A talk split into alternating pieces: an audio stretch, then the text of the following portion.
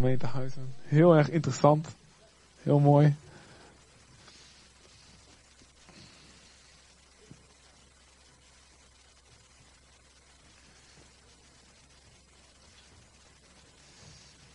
En wij gaan naar een, eh, een heel bekend verhaal.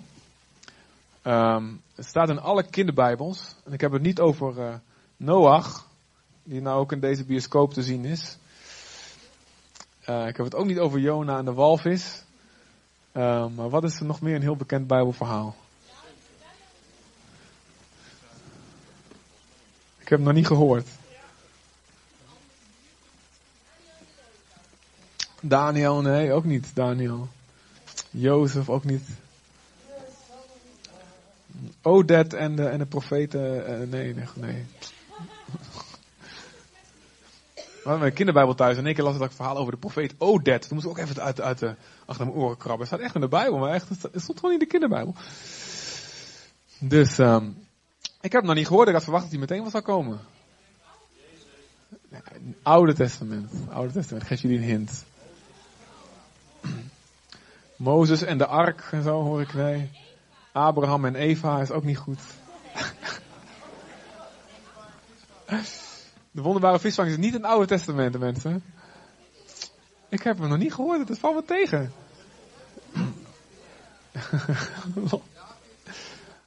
David en Goliath, glorie. Ja, yes, oké, je wint een magnetron. De Heer voorziet, ik weet nog niet waar die vandaan komt, maar je wint hem wel. een gratis voetreis naar Rome, dat is mooi.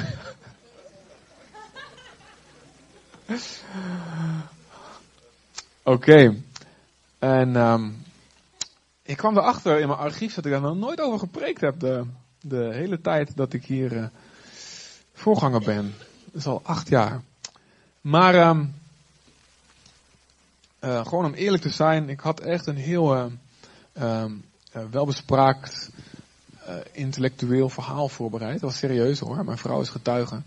Ik dacht, ik wil met de mensen hebben over waarom is de Bijbel nou zo betrouwbaar en eigenlijk een beetje laten zien, een beetje die mythes ontkrachten van dat het uh, allemaal een complot zal zijn van, uh, van keizer Constantijn en een stelletje bisschoppen uit de derde eeuw.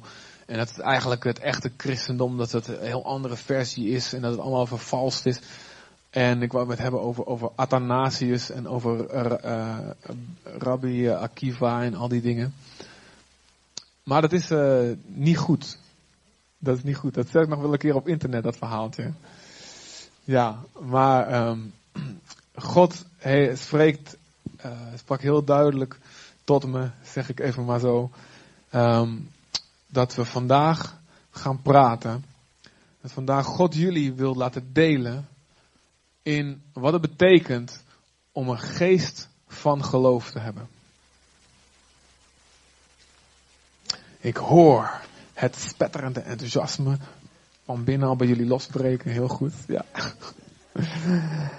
en we gaan zo lezen um, het verhaal in 1 Samuel 17. En ik wil jullie vragen um, om even met mij te bidden. Niet als een ritueel, maar als, om voor onszelf als een ingebouwde herinnering. Heer, wij hebben u nodig om uw woord goed te horen. Zonder uw hulp horen wij uw woord niet goed. En zonder uw hulp uh, landt het op harde grond. Besef je dat wel eens? Dat je niet zomaar zonder Gods hulp een preek goed, kan luisteren. Ja? En daarom is het goed om te bidden. Als je, ook als je, als je je Bijbel opent. En dat hoeft niet als een soort ritueel hoor. Van als ik dat vergeet, dan zegent God me niet. Maar gewoon, het is een houding die we hebben. Als we onze, onze Bijbel openen, als we samen lezen als gezin. Als we een preek luisteren op onze, onze, onze iPod of iPhone of wat dan ook. En als we komen naar de, gemeente, als we komen naar onze twaalf, als we komen naar uh, wat voor plek dan ook waar we Gods woord horen. Heer, help me het goed te horen. Heer, help me niet het te verdraaien tot mijn eigen verderf. Dat kan ook, staat in 2 Peter 3. Je kan een goede woorden verdraaien tot je eigen verderf. Als je een onstandvastig, ongelovig hart hebt. Dus we gaan bidden voor dit woord. Amen. Yes. Heer, wij erkennen dat we afhankelijk zijn van u. Wij erkennen dat um, als u ons niet, niet leidt in verzoeking, als u ons niet verlost van de boze, hebben we een groot probleem. In onze eigen kracht dwalen we af. Dank u dat u hier bent en dank u dat u belooft ons bij te staan. En dat u belooft alles te verhoren wat we bidden naar uw wil. En wij bidden, help ons uw woord te verstaan. Niet alleen nu, maar elke dag, maar ook nu. Help ons het te verstaan. Help ons, heren, maak het toepasbaar, specifiek voor onze levens. En laat uw geest het woord levend maken, opdat het niet een dode letter voor ons blijft, maar een levend woord. Een levend woord wat dode gebieden in ons leven, afstervende gebieden in ons leven, weer een injectie geeft van eeuwig leven. In de naam van Jezus, dank u Heer. Amen. 1 Samuel 17. Ik uh, kreeg bijna een verbod vanochtend op, uh, van, van, uh, van Marloes op lange teksten, lange lappen tekst. Het bezorgde heel veel werk altijd. Maar gelukkig heb ik er genadig van afgekomen. Maar we gaan um, 53 versen lezen. Amen. Yes. 3. 1 Samuel 17. De Filistijnen bereiden opnieuw een oorlog voor. Jullie kunnen dit lezen achterin, hè? Jullie zijn goed. Dus, volk Israël, in het beloofde land, maar wonen nog vijanden. De Filistijnen bereiden opnieuw een oorlog voor. Ze verzamelden zich in Socho, of Soko, Soko, Soko, in Juda, en sloegen hun kamp op in Ephes Damim, tussen Soko en Azeka. Saul riep het leger van Israël op. Saul de koning. Riep het leger van Israël op en sloeg zijn kamp op in de Terebinte vallei. Daar stelden ze zich op tegenover de Filistijnen. Op de ene helling stonden de Filistijnen en op de andere de Israëlieten. Het dal lag tussen hen in. Uit de gelederen van de Filistijnen trad een kampvechter naar voren. Een zekere Goliath uit Gat. Niet uit een gat. Uit Gat was een plaats, een van de, van de, van de stadstaten van de Filistijnen. Een man van ruim 6 L lang. Nou, dat is zes keer van je elleboog naar je duim, dus is best lang. Te lang. En um, hij kwam uit een ras, zeg ik even erbij, van de Refaïten. En um, dat was een ras van reuzen. En denk je van, nou wordt het toch heel erg sprookjesachtig allemaal. Het is absoluut uh, zeer geloofwaardig dat een ras van reuzen bestaan heeft. Um, en ze hadden ook zekere kenmerken. Uh, sommige van hen, niet allemaal. Van Goliath staat niks beschreven, maar een andere staat beschreven dat hij zes vingers had en zes tenen. Die mensen waren behoorlijk een beetje uit de hand gelopen qua groei, zeg maar. Um, en er waren verschillende versies van deze reuzenrassen. En ze stonden onder de verschillende volkeren bekend onder verschillende namen. Het is ontzettend betrouwbaar als je de Bijbel leest. Het is niet zomaar zo'n sprookjesverhaal. Er kwam een reus, weet je wel, die zo groter was als de Empire State Building of wat dan ook. Ze waren mensen van rond de 2,5, 3 meter, die gewoon groot uitgevallen waren. Waarvan er ook nog steeds een aantal op dit moment in leven zijn. Uh, uh, maar dat is dan vaak een vergroeiing. Maar dit was werkelijk een ras van mensen die gewoon zo waren. En er, er zijn nog steeds, we weten niet of dat ermee te maken heeft. Maar er zijn nog steeds bepaalde families, en ik heb, we hebben een aantal ontmoet, waarvan de mensen uh, uh, sommige zes vingers en zes tenen hebben. Ik heb iemand ontmoet en uh, die had een kleine vergroeiing nog ervan, een klein overblijfsel nog ervan. En in zijn hele familie kwam dat voor. Dus eventjes om te zeggen, dit zijn niet zomaar sprookjesverhalen en een reus en een heks, weet je wel. Dit is serieus. Mensen die bestaan hebben. En in de Bijbelse tijd is er een einde gekomen aan deze reuzenrassen. Goed, even een uitlopertje. Een zeker Goliath uit Gat, een man van ruim 6 L lang. Hij had een bronzen helm op zijn hoofd en droeg bronzen schubberpanzer. Dat wel 5000 shekel woog. En een shekel of een sikkel is 10 tot 13 gram. Nou, reken maar zelf uit. Ook zijn scheenplaten, nou niet de hele zitten uitrekenen dat je niet meer oplet op de preek. Hè? Mensen, wiskunde freaks onder jullie. Ook zijn scheenplaten waren van brons, evenals het kromzwaard dat over zijn schouder hing. De schacht van zijn lans was zo dik als de boom van een weefgetouw en de punt was gemaakt van 600 shekel ijzer. Een schildknecht ging voor hem uit. Oftewel, dik bewapend. Zware, zwaar harnas. Uh, dat alleen al zegt genoeg. Deze gast was sterk. Intimiderend. In het dal bleef de Filistijn staan en riep de Israëlieten toe. Waarom zouden jullie optrekken en slag leveren? Ik ben een vrije Filistijn en jullie zijn maar slaven van Saul. Kies iemand uit jullie midden en laat hem hier beneden komen. Dan gaan we naar 9. Yes. Als hij me aan kan en me verslaat, zullen wij en jullie onderworpen zijn. Maar als ik hem aan kan en hem versla, zullen jullie aan ons onderworpen zijn en ons als slaven dienen. Hierbij daag ik het leger van Israël uit om me iemand te sturen met wie ik een tweegevecht kan houden. Bij het horen van deze woorden stonden Saul en het leger van Israël verlamd van schrik. David was een zoon van Isaïe uit Bethlehem, dat in de streek Ephrata in Juda ligt. Deze Isaïe had acht zonen. Hij zelf was in de tijd van Saul al te oud om nog onder de wapenen te gaan, maar zijn drie oudste zonen trokken met Saul ten strijde. De oudste heette Eliab, de tweede Abinadab en de derde Samma. David was de jongste en zijn drie oudste broers waren met Saul ten strijde getrokken. En hij ging heen, hij ging heen en weer tussen het kamp van Saul en Bethlehem, waar de kudde van zijn vader hoedde. Ondertussen trad de Filistijn elke ochtend en elke avond naar voren, veertig dagen lang, en bleef daar staan wachten. Op een dag zei Isaïe tegen zijn zoon David, hier heb je een zak geroosterd graan en tien broden. Breng die snel naar je broers in het legerkamp. En deze tien kazen moet je aan hun bevelhebber geven. Oftewel, broodje met kaas komen brengen. Vraag je broers hoe het met ze gaat. En neem een levensteken van hen mee terug. Saul was, was met de soldaten van Israël, onder wie Davids broers, nog steeds gelegerd in het terebintervallei tegenover de Filistijnen. De volgende ochtend vroeg ging David met de proviant op weg, zoals Isaïe hem had opgedragen. Zijn kudde liet hij achter onder de hoede van iemand anders. Hij kwam juist bij het wagenkamp aan, toen het leger, van, leger onder het aanheffen van de strijdkreet de linies betrok. De Israëlieten en de Filistijnen stelden zich in slagorde tegenover elkaar op.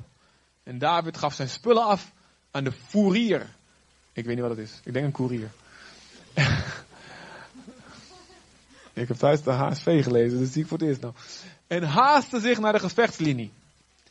Daar vond hij zijn broers en hij vroeg hun hoe het met ze ging. Terwijl hij met ze aan het praten was, trad uit de Filistijnse gelederen de kampvechter naar voren, Goliath uit Gat. En David hoorde hem, de Israëlieten uitdagen, zoals hij dat elke dag deed.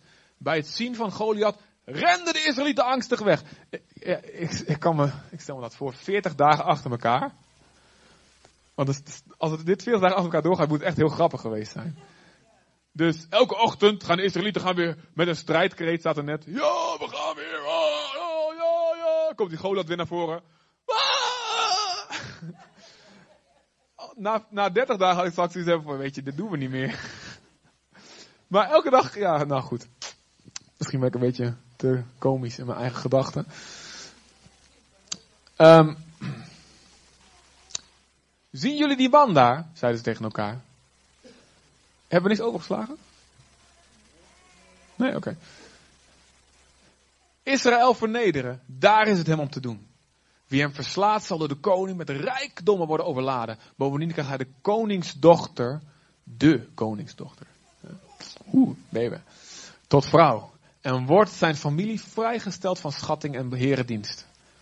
David vroeg aan de soldaten die in zijn buurt stonden. Wat gebeurt er met degene die die Filistijnen verslaat? En Israël van deze schande bevrijdt? Wat dekt die onbesneden Filistijn wel? Dat is echt een leuk scheldwoord, hè? Onbesneden Filistijn. Zeg allemaal tegen. Nee, doe maar niet. Dat hij de gelederen van de levende God durft te beschimpen. De soldaten herhaalden tegen hem wat ze zojuist gezegd hadden. Toen Davids oudste broer Eliab hem met de soldaten hoorde praten, viel hij woedend uit. Wat doe jij hier eigenlijk? Hoor jij niet in de woestijn op je schapen te passen? Echt iets voor jou om met je brutale neus vooraan te willen staan als er gevochten gaat worden. En um, staat eigenlijk in, de, in het origineel, en uh, staat er, ik ken de overmoed van je hart en ik ken de slechtheid van je hart. Wat doe ik nu weer verkeerd? antwoordde David. Ik vraag het toch alleen maar. Hij draaide zijn broer de rug toe en legde zijn vraag nog aan anderen voor. En kreeg weer hetzelfde antwoord. Davids vragen bleef niet ongeopgemerkt. Men vertelde het aan Saul en die liet hem bij zich komen. David zei tegen Saul, we hoeven om die Filistijn toch niet de moed verliezen, heer. Ik zal met hem het gevecht aangaan. Ik zal met hem het gevecht aangaan. Maar jij kunt hem toch onmogelijk aan, wierp Saul tegen. Je bent nog maar een jongen. En hij is dan van jongs af aan gewend om te vechten. Ik heb altijd de kudde van mijn vader gehoed, antwoordde David. Wanneer een leeuw of een beer kwam om een schaap of een geit uit de kudde te stelen, ging ik erachteraan, overmeesterde hem en redde het dier uit zijn muil. En als hij me wou aanvallen, greep ik hem bij zijn kaken en sloeg ik hem dood. Leeuwen en beren heb ik verslagen. En die onbesneden Filistijn zal het net zo vergaan. Omdat hij de gelederen van de levende God heeft beschimpt. Zie je wat voor respect hij over het leger van God spreekt. Terwijl die gasten hartstikke bang waren, maar hij bleef ze eren. Heel mooi. De Heer die me gered heeft uit de klauwen van leeuwen en beren, zal me ook redden uit de handen van deze Filistijn. Ga dan, zei Saul tegen David. En mogen de Heer je bijstaan. Hij gaf hem zijn eigen uitrusting en hielp hem die aan te doen. Een bronzen helm voor op zijn hoofd en een borstkuras. Ten slotte gorde David het zwaard om en probeerde een paar passen te lopen omdat hij aan zo'n zware uitrusting niet gewend was. Ik kan hier niet mee lopen, zei hij tegen Saul. Ik ben er niet gewend. Hij deed de uitrusting weer af. Yes. Hij pakte zijn stok, zocht vijf ronde stenen uit de rivierbedding, stopte die in zijn herderstas. Toen liep hij op de Filistijn af, zijn slinger in de hand. Met zware stappen kwam de Filistijn op David af, voorafgegaan door zijn schildknecht. Hij nam David, een knappe jongen, met rossig haar. Iemand hier, knappe jongen met rossig haar aanwezig. Daar zit er eentje, hartstikke goed. Hij nam David, een knappe jongen met rossig haar, geringschattend op. Hij verachtte hem en zei, ben ik soms een hond dat je met een stok op me afkomt? En hij vervloekte David in de naam van zijn goden. Kom maar op, zei hij, dan maak ik jou tot aas voor de gieren en de hyena's. Jij daagt me uit met je zwaard en je lans en je kromzwaard, antwoordde David. Maar ik daag jou uit in de naam van de Heer, van de hemelse machten, de God van de gelederen van Israël, die jij hebt beschimd. Maar vandaag zal de Heer je aan mij uitleveren. Ik zal je verslaan en je hoofd afhouden. Ik zal de lijken van de Filistijnen aan de aasgieren en de hyena's ten prooi geven. Zodat de hele wereld weet dat Israël een God heeft. Dan zal iedereen hier beseffen dat de Heer geen zwaard of lans nodig heeft om te overwinnen. Want Hij is degene die de uitslag van de strijd bepaalt. Hij zal jullie aan ons uitleveren. Toen kwam de Filistijn op David David af en wilde tot de aanval overgaan, maar David was hem te snel af. Hij rende hem tegemoet. Stak zijn hand in zijn tas, haalde er een steen uit, slingerde die weg en trof de Filistijn zo hard tegen het voorhoofd dat de steen naar binnen drong en de Filistijn voorover stortte. Bam! Staat in het originele Hebreeuws, staat er bam bij. Zo overwon David de Filistijn met een slinger en een steen. Hij trof hem dodelijk zonder dat hij daar een zwaard bij nodig had. Hij rende naar de Filistijn toe, boog zich over hem heen en trok diens zwaard uit de schede en daarmee gaf hij hem de genadestoot en sloeg hem zijn hoofd af. Toen de Filistijnen zagen dat hun held dood was, sloegen ze op de vlucht. Nu sprongen de Israëlieten en Judeërs op hieven de strijdkreet aan, achtervolgden hen tot aan Gat en de poorten van Ekron, de hele weg van Saar, Saaraim tot aan Gat en Ekron lag bezaaid met gesneuvelde Filistijnen. En toen de Israëlieten van een achtervolging terugkwamen, plunderden ze het Filistijnse legerkamp. Amen. Bam.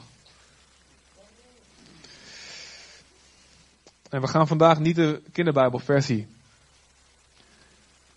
hiervan bespreken. De geest van God is een geest van geloof. De geest van God is een geest van geloof.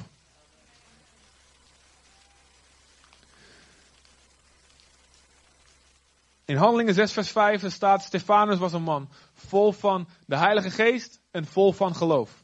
In Handelingen 11, vers 24 staat: Barnabas was een goed man, hij was vol van de Heilige Geest en van geloof. En op een of andere manier door de hele Bijbel heen zie je dat geloof en de Heilige Geest samengaan. Vol zijn van de Heilige Geest maakt dat je vol wordt van geloof. En ik heb het natuurlijk niet alleen over geloof, algemeen geloof. Dat we geloven dat Jezus werkelijk de Zoon van God is. Dat hij voor onze zonde is gestorven. Hij is opgestaan uit de dood. Heel belangrijk geloof. Heel belangrijk. Geloof. Maar ik heb het over meer dan dat. Over geloof in God die alle dingen mogelijk maakt. Iemand die vol is van de Heilige Geest zal vol zijn van dat geloof. Elk moment van de dag? Helaas niet. Soms lekkere. Meestal altijd lekkere Heilige Geest en daarmee geloof. En hebben we elkaar nodig om elkaar te bemoedigen, om elkaar aan te spreken. Het is niet erg af en toe het geloof te verliezen. Het is niet erg af en toe wat minder vol te zijn van de Heilige Geest. Je hoeft niet zo'n druk te ervaren van, als ik één keer niet vol geloof ben vol van de Geest, dan wil je, haat God me, en oh, mijn hele leven is in puin. Nee, God snapt het, dat is wel lekker. Maar hij stimuleert dus wel, word vervuld met de Geest, word vol van geloof, blijf elkaar aanmoedigen. Sterk elkaar in het geloof. Beur de kleinmoedigen op. Zorg dat er een geest, een sfeer van een cultuur van geloof heerst. Onder het leger van de levende God. En dat zijn wij. De geest van God is een geest van geloof. Vol van de geest zijn maakt je vol van geloof. De tien verspieders. Er waren tien, tien spionnen die het land verkenden waar Israël in moest gaan. Er waren er twaalf en tien daarvan, hun angst was groter dan hun geloof. Twee van de twaalf. Er staat, nummer 14 vers 24. Zij hadden een andere geest. Wat was het kenmerk van die andere geest? En die geest met een hoofdletter wordt mee bedoeld. De Heilige Geest. Die andere geest, die zei, tuurlijk zijn er problemen, tuurlijk is het moeilijk, tuurlijk zijn die reuzen daar, tuurlijk zijn die muren dik, maar met onze God vreten wij de vijand op. Hij heeft het beloofd. We gaan het doen. Dat was het spreken van die andere geest. En Saul, koning Saul, die hier een beetje de koning in naam is. Hij is de aanvoerder. Maar hij is alleen nog maar in titel. In titel. Hij is alleen nog maar het naambordje. Hij is alleen nog maar het kantoor. Hij is de inhoud kwijtgeraakt. Koning Saul was begonnen, vol van de Heilige Geest. En Paulus spreekt in Galaten, spreekt hij ze aan en waarschuwt ze, ben je in de geest begonnen en ga je nu eindigen in het vlees? Dit is precies wat met Saul gebeurde. Saul begon in de geest. Saul werd gezalfd als koning.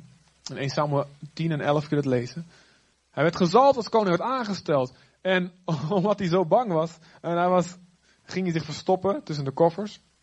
Bij zijn inwijding, bij zijn kroning.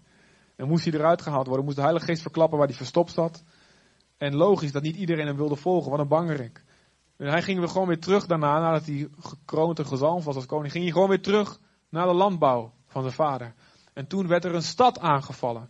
En de stad werd belegerd. En de vredesvoorwaarden zeiden, als jullie willen blijven leven, dan wil ik het van iedereen jullie, je, dan moet van iedereen het oog worden uitgestoken of wat dan ook. Of je kinderen moest je inleveren. In ieder geval, er moest iets vreselijks gebeuren wilde die vijand de mensen in de stad laten leven. En iedereen is er had zoiets van, oh wat erg, wat verschrikkelijk, oh nee, er is niks aan te doen. En Saul die was aan het ploegen. En die hoorde dat. En staat Heilige Geest die kwam over hem. En hij had zoiets van, dit moeten wij niet pikken. En het, het kenmerk van iemand die vol was van de Heilige Geest was op Saul. Wat iedereen accepteerde, het is niet anders, het moet maar zo. Er was iets in hem wat zei, als onze God alles kan. Moet, moeten wij dit niet zomaar gaan, moeten wij dit niet zomaar aanvaarden. Er moet iets gebeuren. En de geest kwam over hem en hij hakte zijn koeien in stukken. En hij verdeelde ze over heel Israël. En hij zei, iedereen, als, als jullie niet allemaal komen in het leger om deze stad te bevrijden, dan hak, worden jullie emoties gehakt. Net als deze koe die je nou per post opgestuurd krijgt. Die postbode, die PTT bestelbusje, die had echt een interessante dag.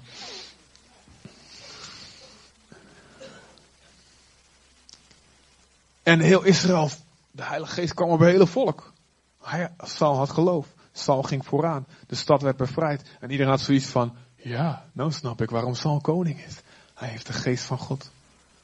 Maar gedurende zijn koningschap werd zijn geloof overwoekerd door zorgen die hij begon te maken over wat denken de mensen wel niet van mij.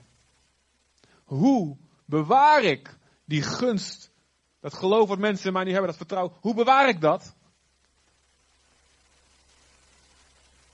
En hij begon zich te laten leiden door de angst voor mensen. En het is niet zo dat God hem meteen afwees. Hij kreeg kans op kans op kans. Maar uiteindelijk wordt hij steeds harder en duidelijker zijn oren dicht deed voor de Heilige Geest die hem terugriep. Uiteindelijk heeft God hem afgewezen. Hij bleef in naam koning, maar de geest die hij had, de geest van geloof, was van hem vertrokken. En er kwam zelfs een boze geest voor in de plaats. En in deze situatie spreekt God tot de profeet Samuel en zegt hij, Samuel, hou op met huilen over Saul. Ik heb een nieuwe koning. Ik heb een nieuwe salving. Ik heb een nieuw iemand die vooraan gaat met een geest van geloof. En David werd uitgekozen uit de zonen van Isaï. Jesse in het Engels trouwens. Als je benieuwd bent waar de naam Jesse vandaan komt. In 1 Samuel 16 vers 13 staat, van het moment dat David gezalfd werd, begon de geest van God begon vaardig over hem te worden, begon hem aan te drijven. Begon, werd hij doordrongen van de geest van de Heer. Kenmerk dat je gezalfd bent door de geest van God. De geest begint je aan te drijven, begint je te dringen, begint tot je te spreken, begint je geloof te geven. Dingen die men, andere mensen als normaal beschouwen. Van helaas, dit terrein moeten we toegeven aan de duisternis. Dit terrein moeten we toegeven aan de vijand. Dit terrein, er is niks aan te doen. Het is nou eenmaal zo. Begin je zoiets te krijgen van binnen. Van wat is dat nou dat we dit allemaal pikken met z'n allen? Waarom doet iemand hier niet wat aan? Is het niet zo dat God de onmogelijke dingen mogelijk maakt? Is het niet zo dat alle dingen mogelijk zijn voor wie gelooft? Dan begint je in je een onvrede te komen over de status quo. Dat is een kenmerk van de geest van God die vaardig over je wordt. Het Nieuwe Testament zegt dat de geest van God niet alleen maar is voor koningen, voor profeten en voor enkelingen, maar dat de geest van God is voor een heel volk. Dat betekent dat de geest van God niet alleen beschikbaar is voor iemand die de titel heeft van oudste, diaken, voorganger, apostel, profeet, herder, evangelist, leraar, wat dan ook. Iemand die een microfoon in zijn hand heeft, iemand die een taak heeft. Dat betekent dat deze geest van geloof bedoeld is van de voorste tot de achterste rij. Van links tot rechts. Van de oude rot tot de pasbekeerde. Van de jongeren tot de ouderen. Deze geest van geloof, deze cultuur van geloof, deze geest van David. Jezus is de zoon van David, wij hebben de geest van Jezus. Dit is de houding, de cultuur, de sfeer die er moet zijn in het leger van Israël. In het leger van de gelederen van de levende God. Waar David het net over heeft.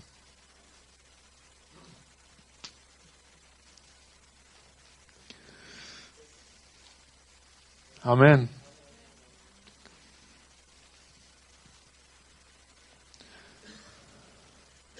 En dat betekent dat we. Luister, wat ik zei, wij lekker. Niemand van ons is zo stoer dat je aan jezelf kan zeggen: Ik ben altijd vol geloof. Ik ook niet. Niemand niet. Reinhard Bonker niet. Wie dan ook niet. We hebben Gods hulp nodig voor van geloof te blijven. En als we daarom vragen, als we dat blijven beseffen, en als we ons niet laten afleiden of overwoekeren door zorgen of angsten, of wat denken de mensen wel niet, of wat, hoe zal dit allemaal goed komen, dan zal die geest van geloof op ons blijven. Maar het moment dat er met ons gebeurt, wat er met Saul gebeurde, moeten we als de wieden weer gaan ons bekeren, onze kleren, ons hart scheuren. En zeggen, Heer, geef me opnieuw het geloof terug. Want wat er anders zal gebeuren, is de salving zal overgaan op iemand anders. Weet je, God houdt. En ook dingen zullen niet gebeuren die God wel wil dat gebeuren, gebeuren gaan worden. Vijanden blijven leven. Waarvan God het gewild dat ze verslagen zouden worden in jouw tijd, in jouw generatie. Het is niet zo dat automatisch wel de dingen toch wel wel gebeuren door iemand anders. Sommige dingen wel, die zijn belangrijk genoeg, die zijn sleutel. Maar andere dingen blijven liggen. Voor je kinderen, voor mensen om je heen. Reuzen blijven staan. De eer van God wordt aangetast. Omdat het volk verslagen wordt door een schreeuwende, spottende Filistijn van zes el lang.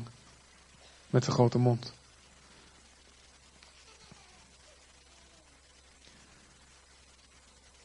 En zoals bij Saul je herkent dat de salving voor een taak overgegaan is op iemand anders als anderen structureel meer geloof beginnen te krijgen dan degene die officieel die titel heeft.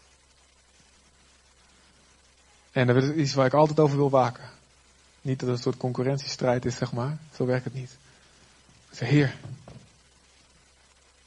blijf me geloof geven. Help me. En soms gaat het klappen. Soms krijg je geloof echt klappen. En dan heb je zoiets van, ik zie er echt niks meer zitten. Dat kennen we allemaal. Dat ken ik ook. Iedereen kent dat.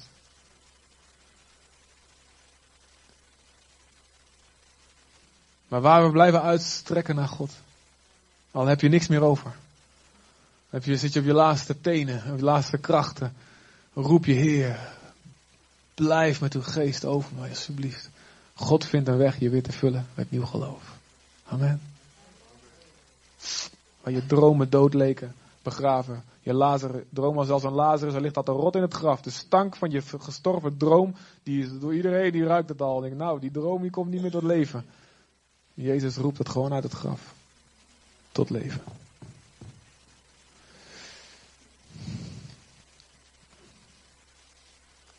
En wat gebeurt er?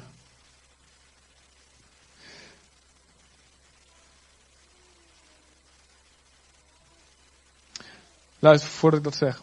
Deuteronomie 20 vers 8. Moet eens kijken. um, dit is een officiële oorlogsinstructie van de Heer. Officieel.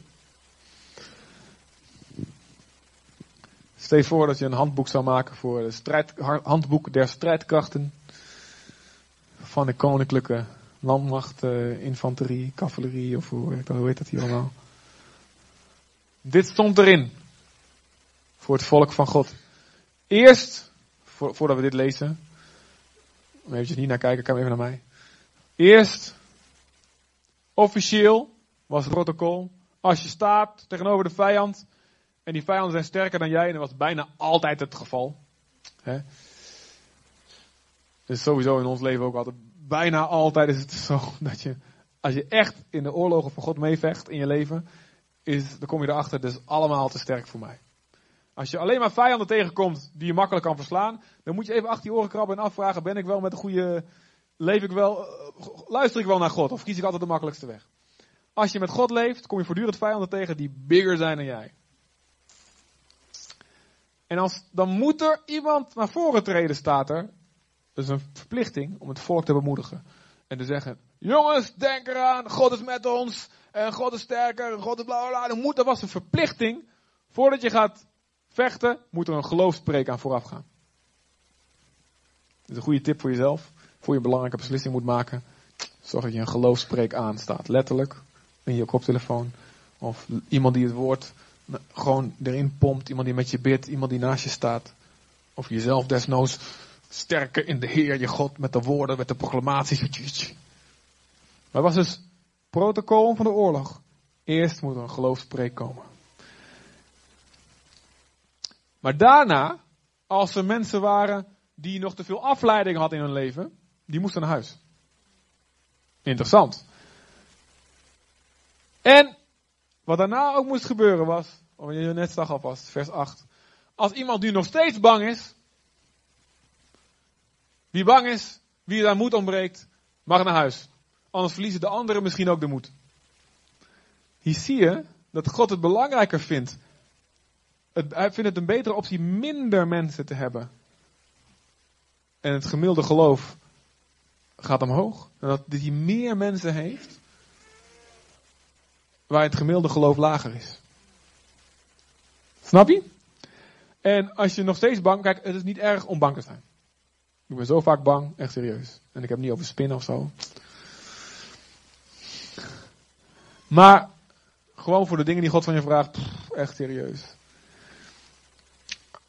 Maar als er dan een moment geweest is dat God je toegesproken heeft, dat dat woord van God gekomen is. En als je dan nog steeds bang blijft, dan is er iets anders aan de hand. Dan is iets anders aan de hand. Dan zegt God, ga terug naar je moeder. Ga naar huis. Ga terug naar je mama. Weet je wel, laat er een lekkere hutspot voor je maken. En een warme chocomel. En ga lekker zitten. Even serieus. Want dit kunnen we niet gebruiken. Is een leuke projecttitel. Ga toch terug naar je moeder.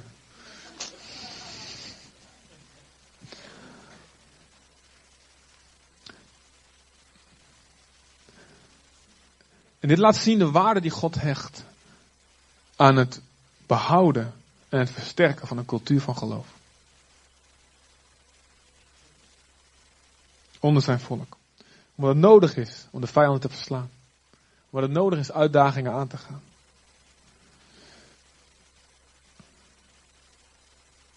En er staat dat ongeloof besmettelijk is. Anders verliezen de anderen ook de moed. Ongeloof is besmettelijk. Geloof is besmettelijk. Maar ongeloof ook. Het is allebei besmettelijk. Zorg dat je het goede virus te pakken hebt. Zorg dat je de goede bacillen verspreidt. Bacillen, bacillen.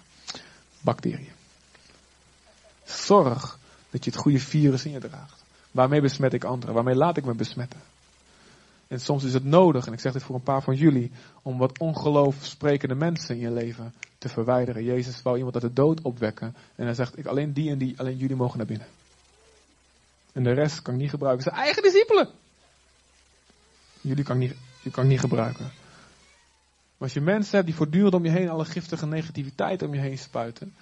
Ik zeg niet dat je geen vrienden of familie van ze moet blijven. Of dat ze in Jezus naam dingen tegen ze moet gaan roepen. Maar zorg dat je in een cultuur, een atmosfeer van geloof zit.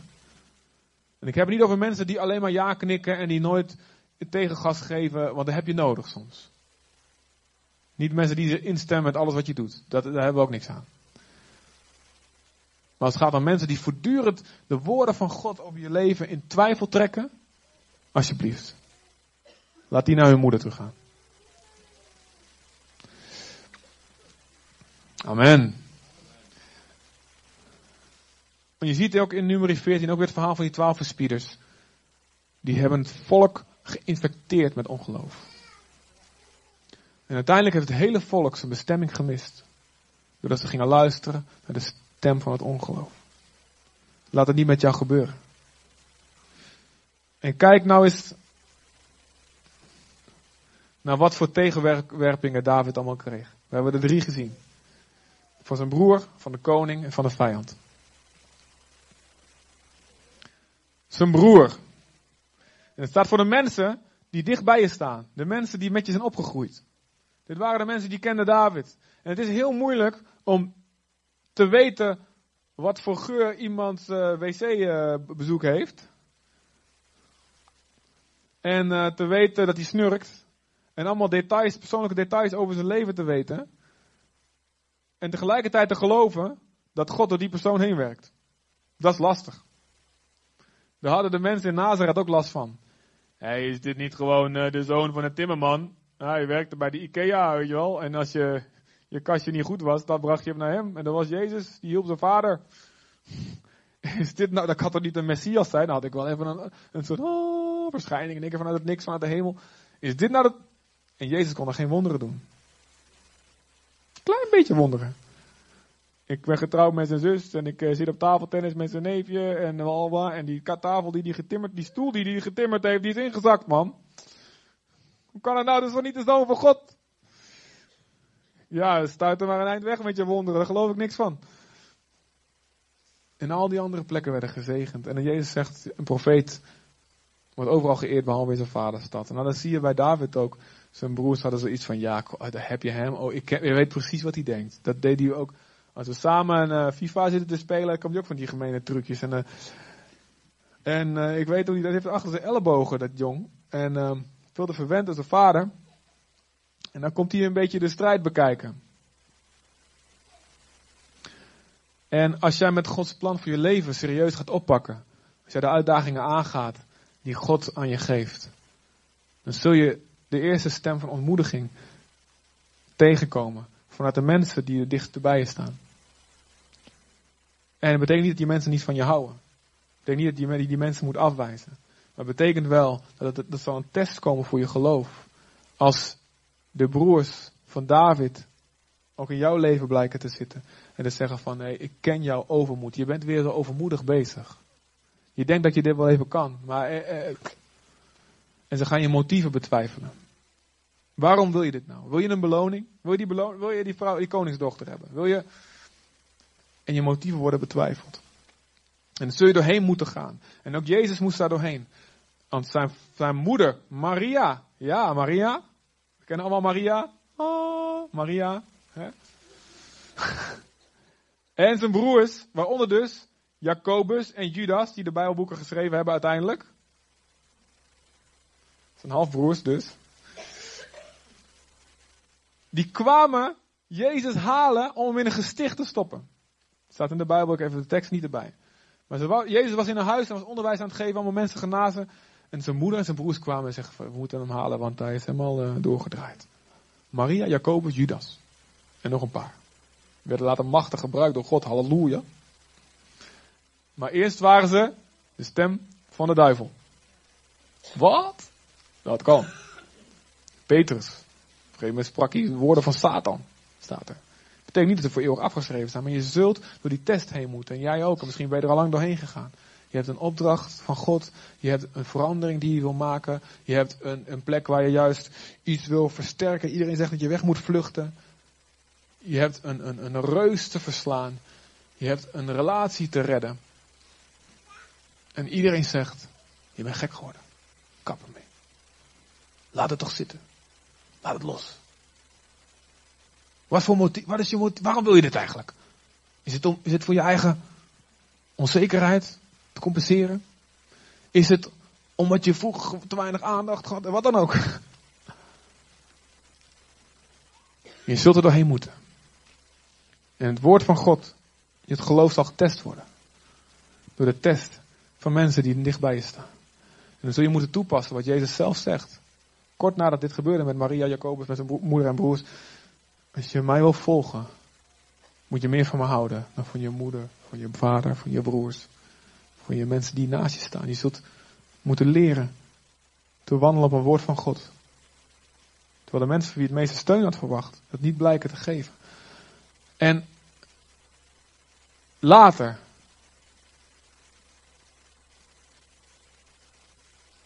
zullen ze zien dat God met je geweest is. En de tweede. Luister, het is trouwens zo, moet je niet vergeten. Wat deze broer van David zegt, is ook een serieus gevaar. Overmoed. Staat in, de, in deze vertaling staat dat niet zo mooi. Maar hij zegt, ik ken de overmoed van je hart. En de Bijbel waarschuwt ook tegen overmoed. Dus je moet niet automatisch alles wat mensen zeggen aan de kant schuiven. Je moet het wel testen. Je moet ook in je relatie met God moet je het inbrengen. Heer, zit er wat in wat de mensen zeggen? Als God dat je spreekt, ga door, ga dan door. En de tweede ontmoediging, die komt van de koning. Het eerst een broer, en dan de koning. De gezagsdrager. De man van God. En hij zegt, je zult niet in staat zijn. Dat is een test. Ik, ik hoorde van Peter Sleebos, dat was heel leuk, dat hij, uh, misschien uh, verklap ik nu zijn verhaal, wil hij dat zelf ook een keer kwijt in de preek. Als hij het ooit vertelt later, moet je zeggen, net doen of je het voor het eerst hoort. Weet je wel. Oh, ja, beloofd? Nee, dan stop ik met de preek. Ja, goed. Dat was het volgende week. Nee. Hij vertelt, hij vertelde toen wij naar Indonesië gingen um, om, uh, om, uh, om een zendeling te worden, dat zelfs zijn voorganger, het is geen geheim hoor, de voorganger en zelfs de landelijke voorganger, alle voorgangers, kwamen zeggen, dat is helemaal niet van God. Dat is helemaal niet, klopt helemaal niks van. Nou, gelukkig is dat ons niet gebeurd met onze stappen, weet je wel. Ze dachten, oké, okay, wauw, vet, weet je wel. En dit was met, wat met David gebeurde. De koning zei, dit gaat niet lukken.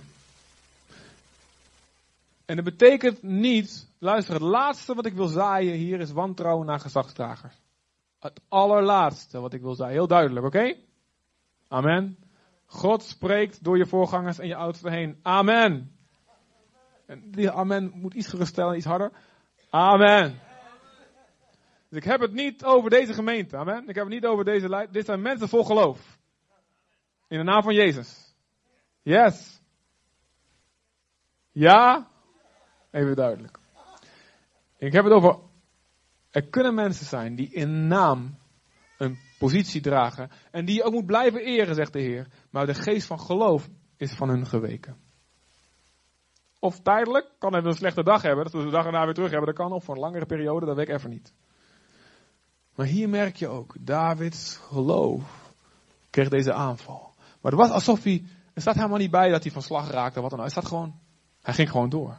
Ik weet niet of hij, of hij het helemaal niet registreerde, dat hij gewoon zo vol van de geest was. Ja, ik weet niet wat je zegt. Dat je... Hij ging gewoon door.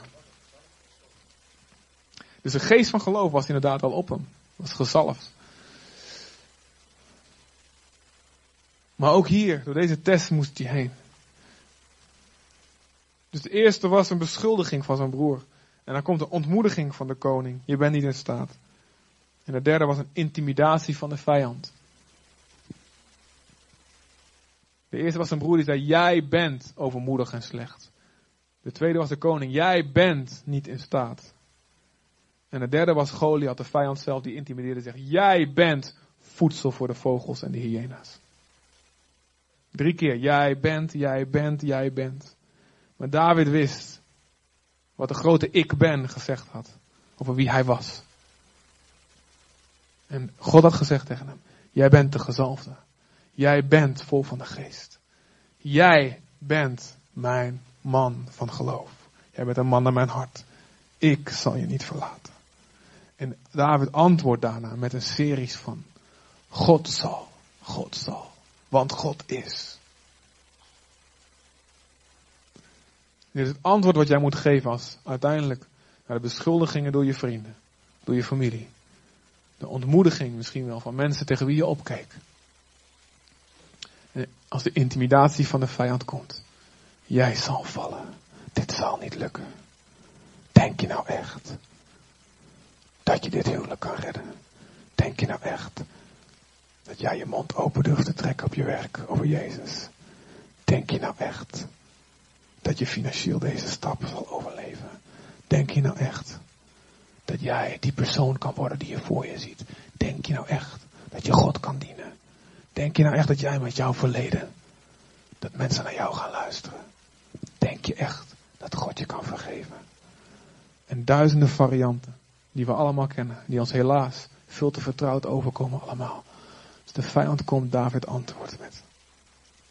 Ik weet wie God is. Daarom weet ik wie ik ben. En de laatste verleiding die hij moest weerstaan, was de verleiding om te vechten zoals de rest. Saul zei, oké, oké, is goed. Is goed, vecht maar. Zo hoort het. Dit is het boekje. Dit harnas, deze schild, dit schild, deze speer, dit en dat, bla bla bla.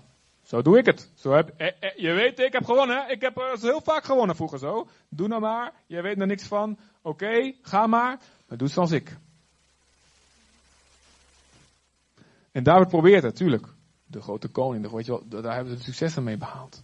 En zodat de verleiding komen in je leven. je zegt, oké, we gaan de vijand aan, maar, maar, maar, ik moet het wel doen zoals ieder, iedereen het verwacht. Of zoals het hoort, zoals het tot nu toe altijd gedaan is. Misschien geeft God jou een nieuwe manier. Misschien heb jij een eigen manier geleerd van de Heer. Waarmee je al een leeuwtje en een beertje verslagen hebt. Misschien een troetelbeertje, weet je wel. Maar goed, het is een beertje. Yes, daar is hij, kijk. Sla hem, pak hem bij zijn baak. Bam. Niet Mark, uh, de beer, sorry. Misschien een Loekie leeuwtje verslagen, maar het zijn, het zijn kleine overwinnetjes. Blijf bij wat God je geleerd heeft.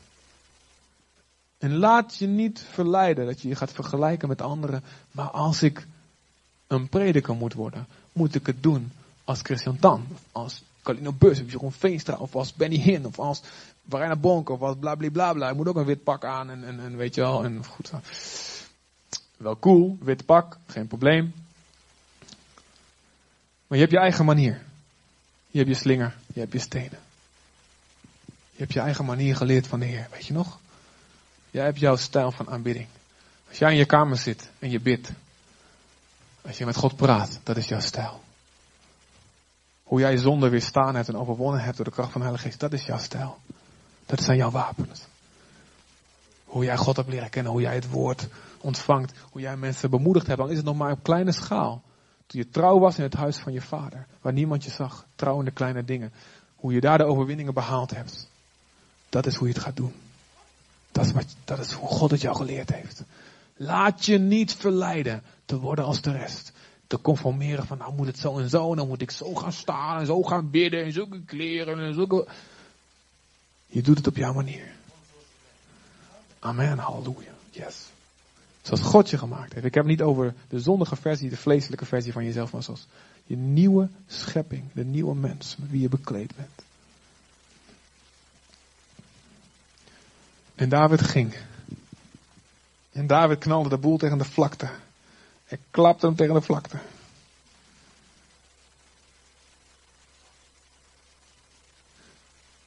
En, hij, en, de, en, de, en de reus viel. En het volk zag het. En het was alsof hij een doorbraak gemaakt had in een dijk.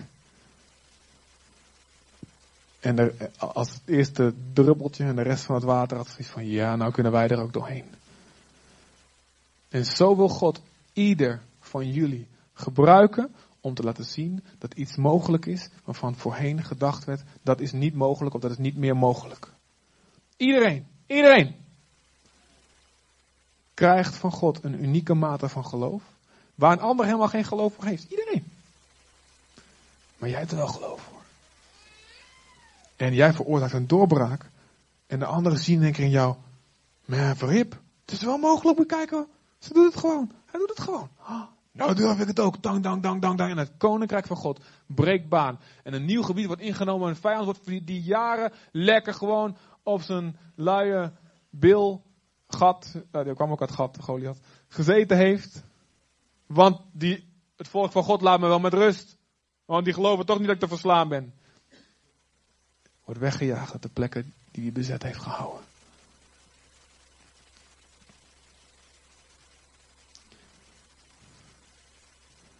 Zijn wij een volk vol van de Heilige Geest?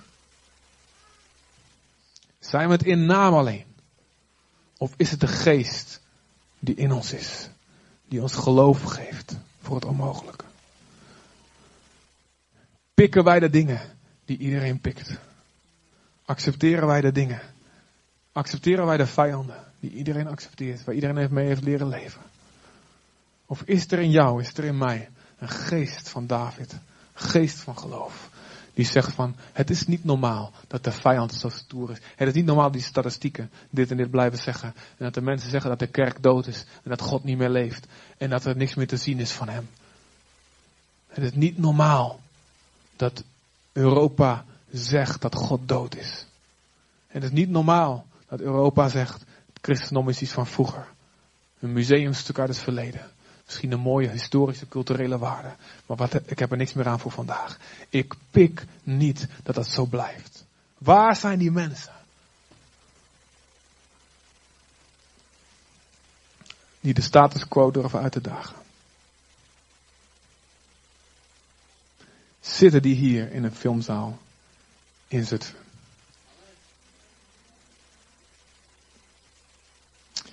Yes.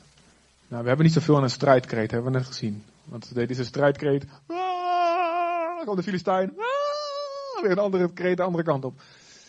Dus ik ga jullie niet vragen een strijdkreet te doen. Mag wel, vooral die reuzendoders, zo met die uh, testosteron en alles. Doe je ding. Maar wat vooral nodig is, mensen die zeggen, ik maak een besluit om, niet om stoer, niet, niet om stoer te zijn en allemaal dingen te beloven. Ik zal altijd geloofd hebben, want dan ga je echt op je muil. Oké?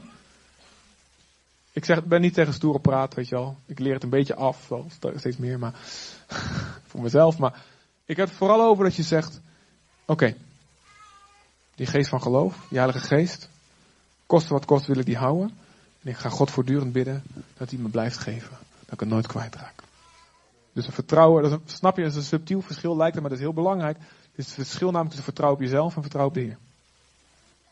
Vertrouwen op jezelf is, ik zal dat wel even dat geloof houden. En dan stort het daar in elkaar.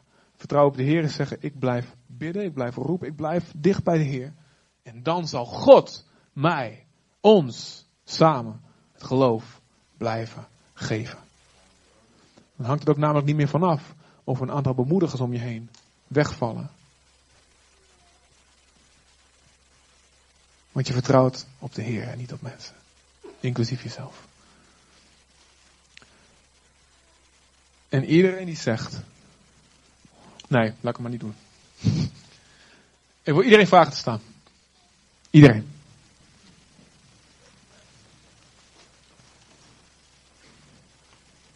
Behalve de muzikanten die mogen zitten op een pianostoeltje en zo.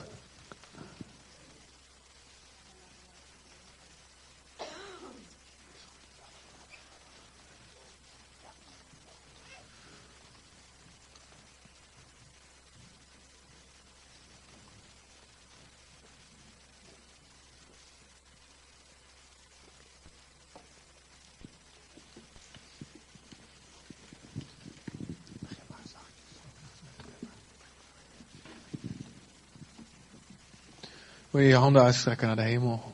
Of gewoon voor je? Wil je uitstrekken naar hem?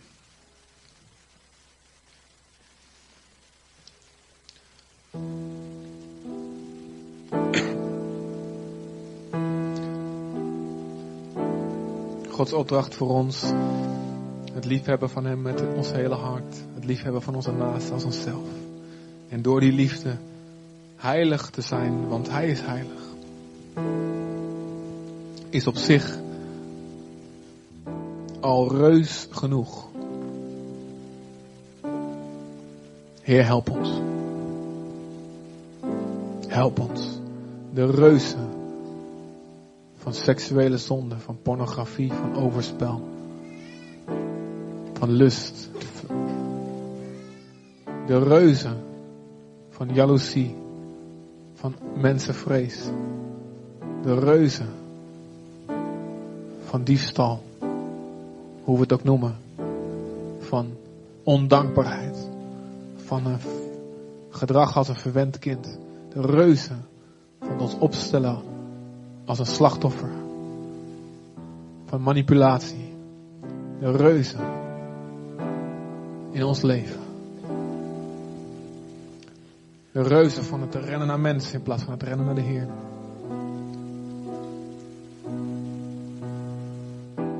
De reuzen van het verdraaien van Gods woorden, omdat ze ons niet goed uitkomen. De reuzen in ons eigen hart, alles wat ons afhoudt, alles wat afgoderij is, van hebzucht, van gierigheid, van egoïsme, van trots, van hoogmoed. Vader, wij erkennen dat we uw geest zo nodig hebben. Om ons geloof te geven daarvoor. En dan ook Daarnaast uw opdracht om alle volken te maken tot mijn discipelen. En te onderwijzen alles wat u ons geleerd heeft. En het leren dat te onderhouden. Het uitgaan en prediken het evangelie aan de hele schepping. Heer, wat een reus. Onze geest zegt yes. Maar onze angst zegt. We rennen met een strijdkreet, rennen we erop af. Ja, dat doen we wel even. Maar dan komt die reus naar buiten en we rennen gillend weer naar onze moeder.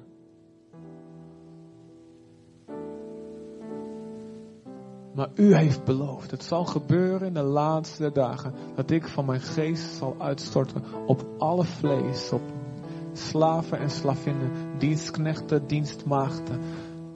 U zal uw geest geven zonder mate. Vader, op dit moment ontvangen wij deze geest. Wij ontvangen deze geest opnieuw. Wij ontvangen deze geest opnieuw. Geest van geloof. Geloof, sta op in mij, in de naam van Jezus. In Jezus' naam, Vader God, kom nu, kom nu, Vader. Kom nu, Vader, kom nu, Vader. Shahundaratari kabandoro.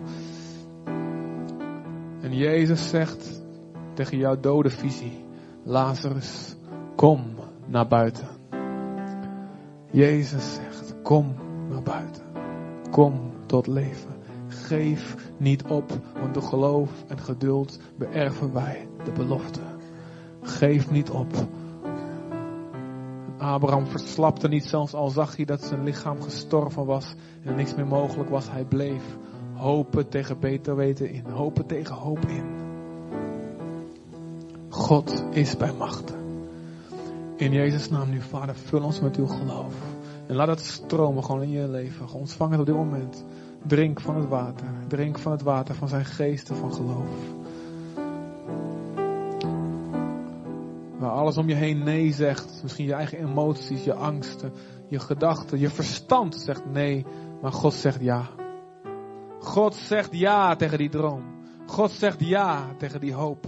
God zegt ja tegen die redding van je familieleden. God zegt ja tegen die doorbraak. God zegt ja tegen die betere toekomst die je voor je ziet. God zegt ja tegen herstel. God zegt ja tegen genezing. God zegt ja tegen blijdschap. God zegt ja tegen het zijn van een zegen. Het zijn van een zegen.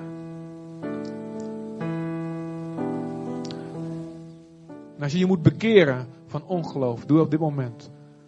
Doe op dit moment. Zeg, vader, ik bekeer me van ongeloof. Vergeef mij dat ik meer naar mijn angst geluisterd heb. Vergeef me dat ik naar de stem van de vijand geluisterd heb. De stem van mijn vrienden, van mijn broers, van de koning of van de Goliath. Vergeef me, vader.